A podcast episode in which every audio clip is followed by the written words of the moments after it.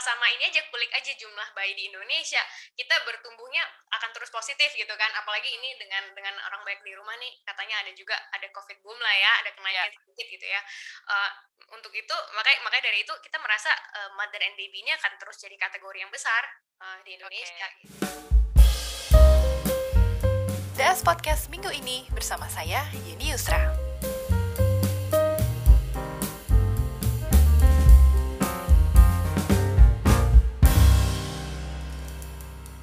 Jess, apa kabar? Sore Mbak Eni, kabar baik. Gimana kabarnya? Okay. Sehat, Alhamdulillah masih uh, remote working di rumah, tapi enjoy aja ya. Ya, sama aku juga. Oke, okay, Jess, sebelum kita dive in ke conversation, mungkin uh, Jessica bisa cerita grow itu sebenarnya apa sih? Oke, okay, thank you untuk waktu dan tempatnya ya, Mbak Eni ya. Uh, senang banget bisa sharing tentang Grow. Sebetulnya uh, dari namanya mungkin udah sedikit memberi kisi kisi-kisi gitu ya. Yeah. Ya. Uh, ini sesuai banget sama uh, satu filosofi dari perusahaan kami, tentunya inginnya grow terus. Dan juga sebenarnya ini mendeskripsikan banget customer yang kita serve ya. Adalah ya. anak-anak yeah. atau bayi yang dalam tahap perkembangan yang cepet gitu. Growingnya cepet hmm. banget gitu, waktunya nggak berasa. Grow sendiri, ide untuk memulai Grow memang ini hasil juga tentunya diskusi bukan hanya ide satu orang. Uh, okay. Aku dan teman teman-teman uh, co-founder kita melihat uh, di sekitar kita gitu ya teman keluarga uh, banyak yang ternyata kesulitan gitu untuk memberikan uh, makanan atau nutrisi terbaik buat anaknya. Terutama kalau orang tuanya sibuk ya nggak harus kerja kantoran WFH juga kan sibuk gitu ya atau yeah. ada usaha sampingan seterusnya. Akhirnya uh, kita merasa uh, ini bisa jadi suatu opportunity bisnis terutama aku sendiri juga kan ngalamin gitu ya sebagai orang tua baru orang tua muda. Kalau kita orang dewasa enak ya kalau nggak sempat masak aduh tinggal klik klik klik makanan nyampe gitu kalau buat anak kecil coba deh dibayangin tuh opsinya itu sangat terbatas loh gitu.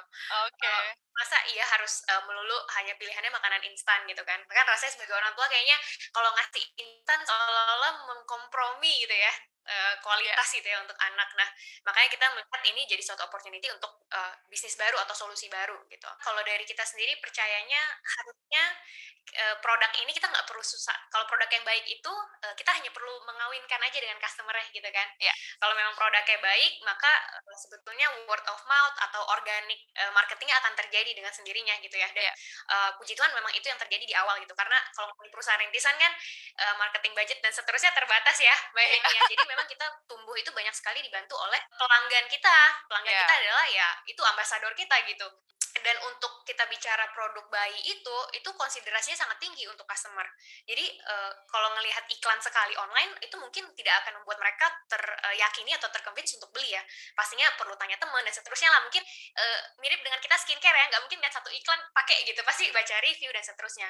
Nah produk yang konsiderasi tinggi seperti ini seperti grow ini memang uh, baiknya dan uh, kita juga merasakan sendiri uh, impactnya dari word of mouth gitu. Makanya kenapa okay. kita selalu ngedepanin customer kita sebagai uh, ya ambasador kita gitu. Yeah. So far udah berjalan uh, bisa dibilang hampir dua tahun ya, uh, yeah, more or less ya. Yeah. Masih ada nggak sih challenge mungkin dari sisi edukasi karena kebanyakan kalau produk baru startup tuh beratnya di edukasi nih. Kalau dari Grow sendiri itu menjadi challenge gak sih atau karena produknya memang target usernya jelas gitu lah ya, uh, apa ya orang tua muda atau orang tua yang masih punya baru punya baby jadi sebenarnya mereka justru welcome dengan produk dari Grow ini.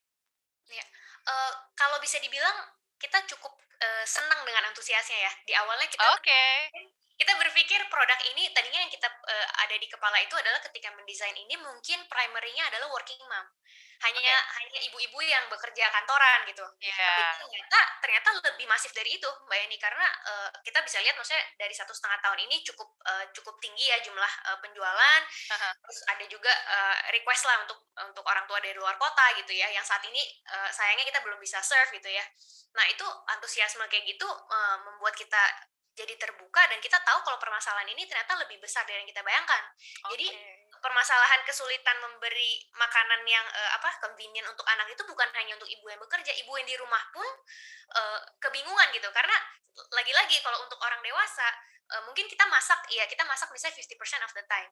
Yeah. tapi 50% of the time di other time itu mungkin kita enaknya kan beli dari luar. Nah opsi untuk beli dari luar itu yang belum tersedia ketika kita bilang makanan anak kecil gitu loh yang yeah, fresh itu belum tersedia. Nah maka itu uh, kita juga um, sekarang ini kita sadar kalau produk grow ini memang dibutuhkannya untuk moms titik gitu nggak work nggak ada istilah yeah. stay at home atau working moms emang semua ibu itu butuh uh. ini terlepas dari di rumah ada bantuan misalnya katakanlah ada uh, uh, ini ya pengasuhnya gitu ya ada bantuan hmm. pengasuh pun uh, mereka kan bukan ini ya bukan ahli nutrisi dikata yeah. gitu tetap harus nanti ujung-ujungnya juga ibunya yang akhirnya berpikir juga kan apa yang mau dikasih makan ke anaknya? Mungkin lah proses masaknya dibantu. Tapi kan dari end to endnya misalnya planning menunya kemudian dikonsultasikan ke dokter apakah uh, komposisinya sudah baik dan seterusnya. Nah itulah end to end itu yang kita coba bantu di grow nggak hanya proses masak dan labor intensifnya aja mbak Yani.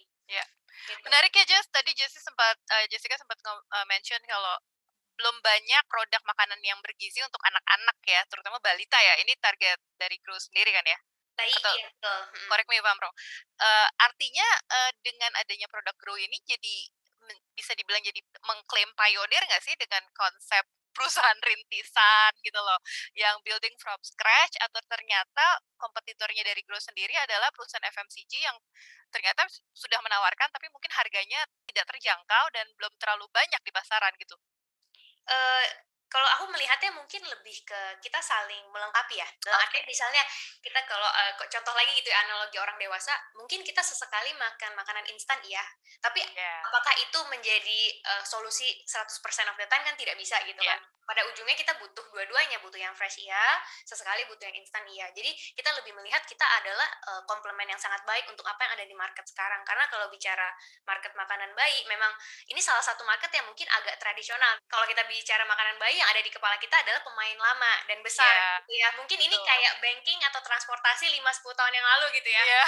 jadi uh, itu adalah market yang udah terbentuk dan udah lama begitu nggak banyak goncangannya belum banyak Betul. ada uh, terobosannya nah, kita ya kita mau coba seperti itu tapi kalau dikatakan kita pionir atau enggak mungkin uh, aku bisa bilangnya seperti ini uh, di negara lain itu sebetulnya ada uh, perusahaan-perusahaan rintisan makanan bayi gitu. Oke. Okay.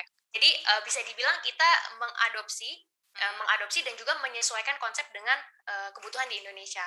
Okay. Uh, jadi misalnya katakanlah di uh, kita benchmarknya banyak ya ke negara lain misalnya Amerika, Jepang, uh, India gitu ya itu ada perusahaan-perusahaan uh, makanan bayi yang baru uh, penawarkannya uh, makanan yang fresh tentunya tapi memang uh, ada sedikit USP yang berbeda lah gitu contohnya kita ambil contoh di Indonesia itu memang orang tetap lebih prefer makanan fresh Mbak Yani, kalau frozen food hmm. itu frozen food masih konsep yang baru ya untuk kita ya, karena frozen itu yeah. dianalogikannya tidak fresh gitu. Padahal sebetulnya uh, mungkin kalau dilihat dari sisi apa yang berubah mikro ini ya ya uh, secara mikronya kalau dianalisa di lab perubahan nutrisi itu sangat kecil misalnya kalau yeah. fresh, kalau frozen tapi karena itu konsep yang belum uh, familiar di Indonesia oke okay, kita tahu kalau kita harus mengirimkannya fresh setiap hari gitu hmm. nah itu yang hal-hal itu yang uh, lokalisasi itu yang kita lakukan uh, ketika kita sudah benchmark ke negara-negara lain okay. gitu. tapi dari sisi produk apakah sekarang ini fokusnya hanya di beberapa aja atau ke depannya mungkin Grow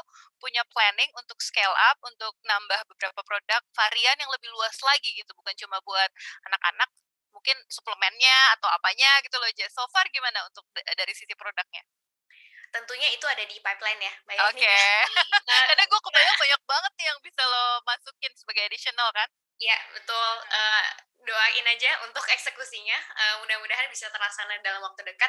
Tapi memang kalau jadi fokus kita, katakanlah tahun ini gitu ya, Mbak ini ya. adalah uh, kita mau uh, memastikan kalau reach kita itu lebih luas lagi. Jadi coverage area untuk uh, food service ini lebih luas lagi. Karena memang kita juga uh, cukup senang dan juga at the same time kita juga uh, merasa terpanggil dan juga orang tua kalau yang dari luar kota bisa dong di kota aku nggak ada pilihannya gitu misalnya itu kayak wah jadi semangat banget buat kita dan motivasi buat kita gitu memang itu yeah. mungkin salah satu tantangan juga kalau tadi selain dikatakan edukasi karena produknya baru hmm. tantangan salah satu terbesar kita itu juga di logistik mbak Yani karena. Iya. uh, memang kalau kata uh, kita bicara fresh food kita rely di cold chain misalnya logistik cold chain di Indonesia memang uh, pemainnya belum banyak jadi belum banyak infrastrukturnya belum terlalu uh, matang gitu ya. Jadi itu yang juga jadi salah satu tantangan kami untuk bisa uh, gimana nih caranya kita bisa serve lebih banyak orang tua. Nah mungkin uh, plannya itu adalah untuk membuka misalnya satellite kitchen di kota lain. Karena itu salah satunya cara kita bisa menjangkau area itu misalnya. Tapi gue sih kebayangin nanti sebenarnya untuk bisa mengatasi masalah itu lo bisa jadi kolaborasi kolaborasi dengan pemain logistik yang ternyata memang uh, menyediakan cold chain dan lainnya ya. Tapi itu uh, planning dari growth tentunya udah masuk dalam pipeline ya. Yeah. Kita ngomongin soal konsep atau model bisnisnya. Kalau misalnya correct me if I'm wrong, Jess. Ini konsepnya D2C ya, direct to consumer ya. Artinya oh. grow memanfaatkan channel-channel di e-commerce atau marketplace. So far gimana nih? Apakah ngebus dari Grow sendiri atau justru tidak terlalu terlihat karena mungkin produknya sangat niche? Uh, kalau aku bilang ini D2C itu konsep yang sangat tepat buat uh, eh, okay. produk kita dan untuk okay. uh, maksudnya nilai-nilai yang kita pegang. Karena yeah. dengan uh, aku di, dengan kita melakukan D2C itu kita lebih dekat ke customer ya Mbak ini. Aku tahu yeah. kita tahu exactly siapa yang beli uh, pengirimannya karena kita yang langsung kirimkan seperti itu. Yeah. Nah, uh, dengan begitu kita jadi lebih cycle-nya untuk mendapatkan feedback customer tuh lebih cepat. Mungkin yeah. karena itu juga lah yang bikin kita dalam satu setengah tahun ini iterasinya sangat cepat gitu karena kita cepat dapat feedback, kemudian kita cepat juga memperbaiki diri, uh, jadinya bisa memberikan produk yang lebih bagus gitu kan. Uh, mungkin yang paling yang kita paling senang itu adalah kalau misalnya ada customer uh, yang memberikan feedback, kemudian beberapa bulan kemudian masukan dia itu benar-benar kita realisasikan dan mamanya ingat gitu. Oh ini udah uh, oh. ini udah udah jauh lebih baik ya, gitu. Sesuai dengan inputnya dia. Nah itu ada kembanggaan tersendiri dari yeah. loyal user ya jadi pastinya dari user juga akhirnya dia senang dia merasa menjadi yeah. bagian kan dari dari perjalanan kita gitu karena feedbacknya memang didengar beneran gitu. Iya konsep B2C ini memang sekarang juga makin seksi dan makin banyak dilirik oleh investor dan congrats buat Grow baru-baru ini uh, baru saja mendapatkan uh, seed funding ya dari beberapa investor dan pentolan-pentolan startup yang udah punya nama in terms of investing uh, fundraising apakah saat ini waktu yang tepat untuk Bro melakukan fundraising atau ternyata penawaran dari investor sulit untuk Jessica tolak nih Jess? Um, kita sebetulnya sedang uh, in the middle of discussion juga ya with uh, okay. potential investors. Cuman memang bedanya kalau di round sebelumnya itu kita lebih fokus ke angel ya karena memang uh, oh. produknya juga waktu itu baru uh, bahkan okay. juga ada beberapa investor yang memang punya keyakinan yang cukup kuat dengan konsep kita sehingga uh, support kita tuh dari awal banget gitu sebelum ada traction gitu. Uh, tapi kalau saat ini kita fokusnya lebih memang mencari uh, institutional investor seperti itu. Oh. Nah itu oh. lagi ada discussion juga dengan uh, beberapa uh, uh, potential lead lah. Nanti mungkin uh. aku akan diskusi ya kalau memang sudah waktunya. ini pastinya. Uh, tapi uh, ya minta minta bantuan doanya aja dan juga okay. um, dari sini tadi sebenarnya udah udah mbak ini jabarkan lah udah ditebak ya mau kita mau ngapain sih itu yeah. memang uh, selain food service salah satunya kita juga mau diversifikasi ke food product karena tadi aku katakan ya kalau bilang produk retail apakah uh, harus eksklusif orang kalau pakai food service nggak pakai food product kan nggak gitu ya yeah. itu selalu uh, itu selalu dua komplementari food ecosystem yeah. itu nggak mungkin bisa ada satu yang satu nggak ada gitu jadi uh-huh. memang kita sendiri juga pengennya grow ya kita punya dua-duanya gitu yeah. tapi saat sekarang ini ya uh, karena pandemi juga udah mengakselerasi uh, adopsi digital kebanyakan masyarakat Indonesia konsep yang ditawarkan oleh grow produk yang relevan dan dengan uh, konsep yang higienis dan uh, targeted the right user gitu ya. Saat ini menjadi momentum yang tepat nggak sih buat grow launching atau kayaknya nggak ngaruh deh mungkin sebelum pandemi atau ketika pandemi udah usai pun kayaknya produk seperti ini aman-aman aja untuk ditawarkan kepada target user. Ya. Uh, aku percayanya uh, pandemi ini bukan hanya memaksa kita uh, untuk lebih melek digital ya, tapi yeah. setelah pandemi berakhir pun aku rasa uh, gaya gaya hidup yang baru ini udah terbentuk mbak ini yeah. di mana orang-orang uh, lebih apa ya uh, value convenience apa yang bisa dilakukan dari rumah nggak perlu keluar rumah uh, kita lakukan dari rumah aja gitu yeah. ya iya. karena mungkin kalau sekarang alasannya covid mungkin nanti alasannya yang lain oh bisa lebih banyak waktu dengan keluarga bisa lebih uh, mungkin juga carbon footprintnya lebih kecil gitu ya nggak uh. keluar keluar alasannya macam-macam tapi aku rasa ini udah menjadi gaya hidup baru yang terbentuk sih uh, jadi uh, kita kita kita percaya kalau di grow kita akan menjadi produk yang relevan uh, kalaupun tanpa covid gitu. Karena yeah. kalau kita bicara jumlah anak iya mungkin covid banyak ya yang dibilang ini covid uh, baby gitu ya. Covid baby. karena ini di rumah gitu covid ya. baby nih 2020 kan? Oh iya grownya covid baby juga betul. Jadi uh, kalau kita karena kita bicara produknya relevan atau enggak uh, yeah. coba kita sama-sama ini aja kulik aja jumlah bayi di Indonesia. Kita bertumbuhnya akan terus positif gitu kan. Apalagi ini dengan dengan orang baik di rumah nih katanya ada juga ada covid boom lah ya ada kenaikan yeah sedikit gitu ya.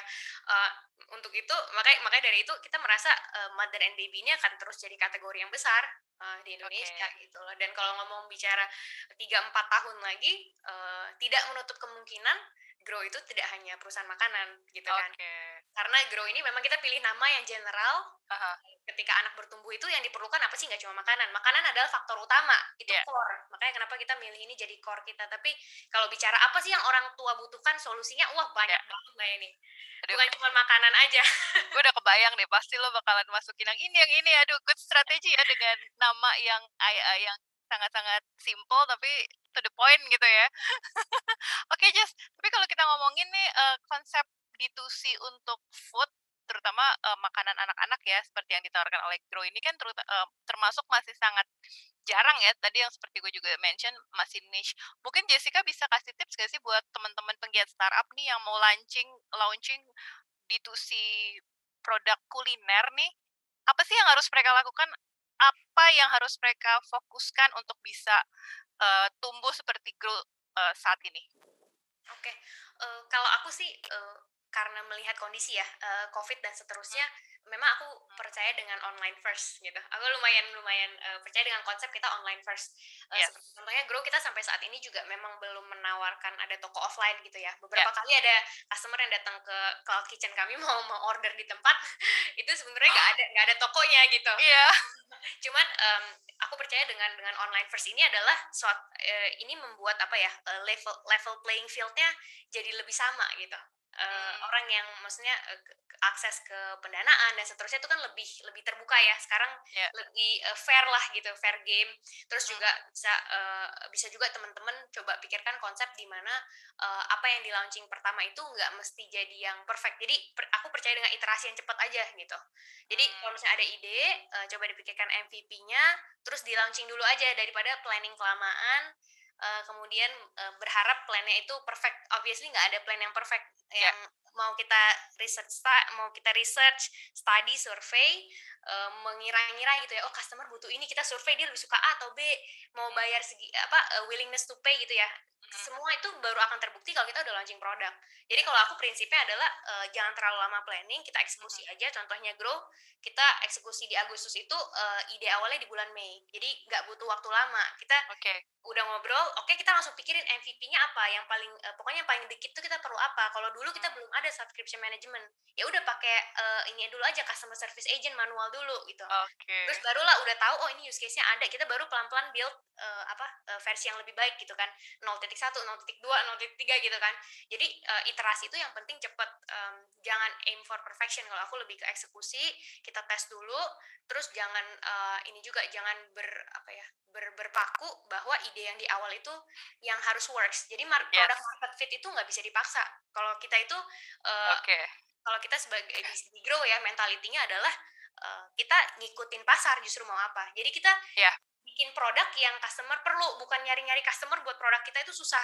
Itu akan yeah. mahal uh, mahal terus juga uh, apa ya scale-nya susah. Jadi yang kita perlu lakukan adalah kita uh, ngobrol uh, dengan customer ketika kita launch suatu produk kita ikutin uh, evolusi produknya mengikuti apa yang customer mau kayak gitu Oke, ih seru banget sih ini. Kayaknya lo udah bisa jadi mentor nih.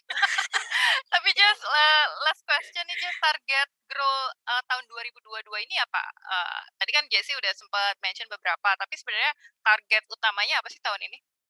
Ya, kita mau uh, diversifikasi. Ada dua ya mungkin ya, uh, diversifikasi okay. produk dan juga uh, memperluas cakupan uh, pengiriman. Nah, itu. itu penting banget ya.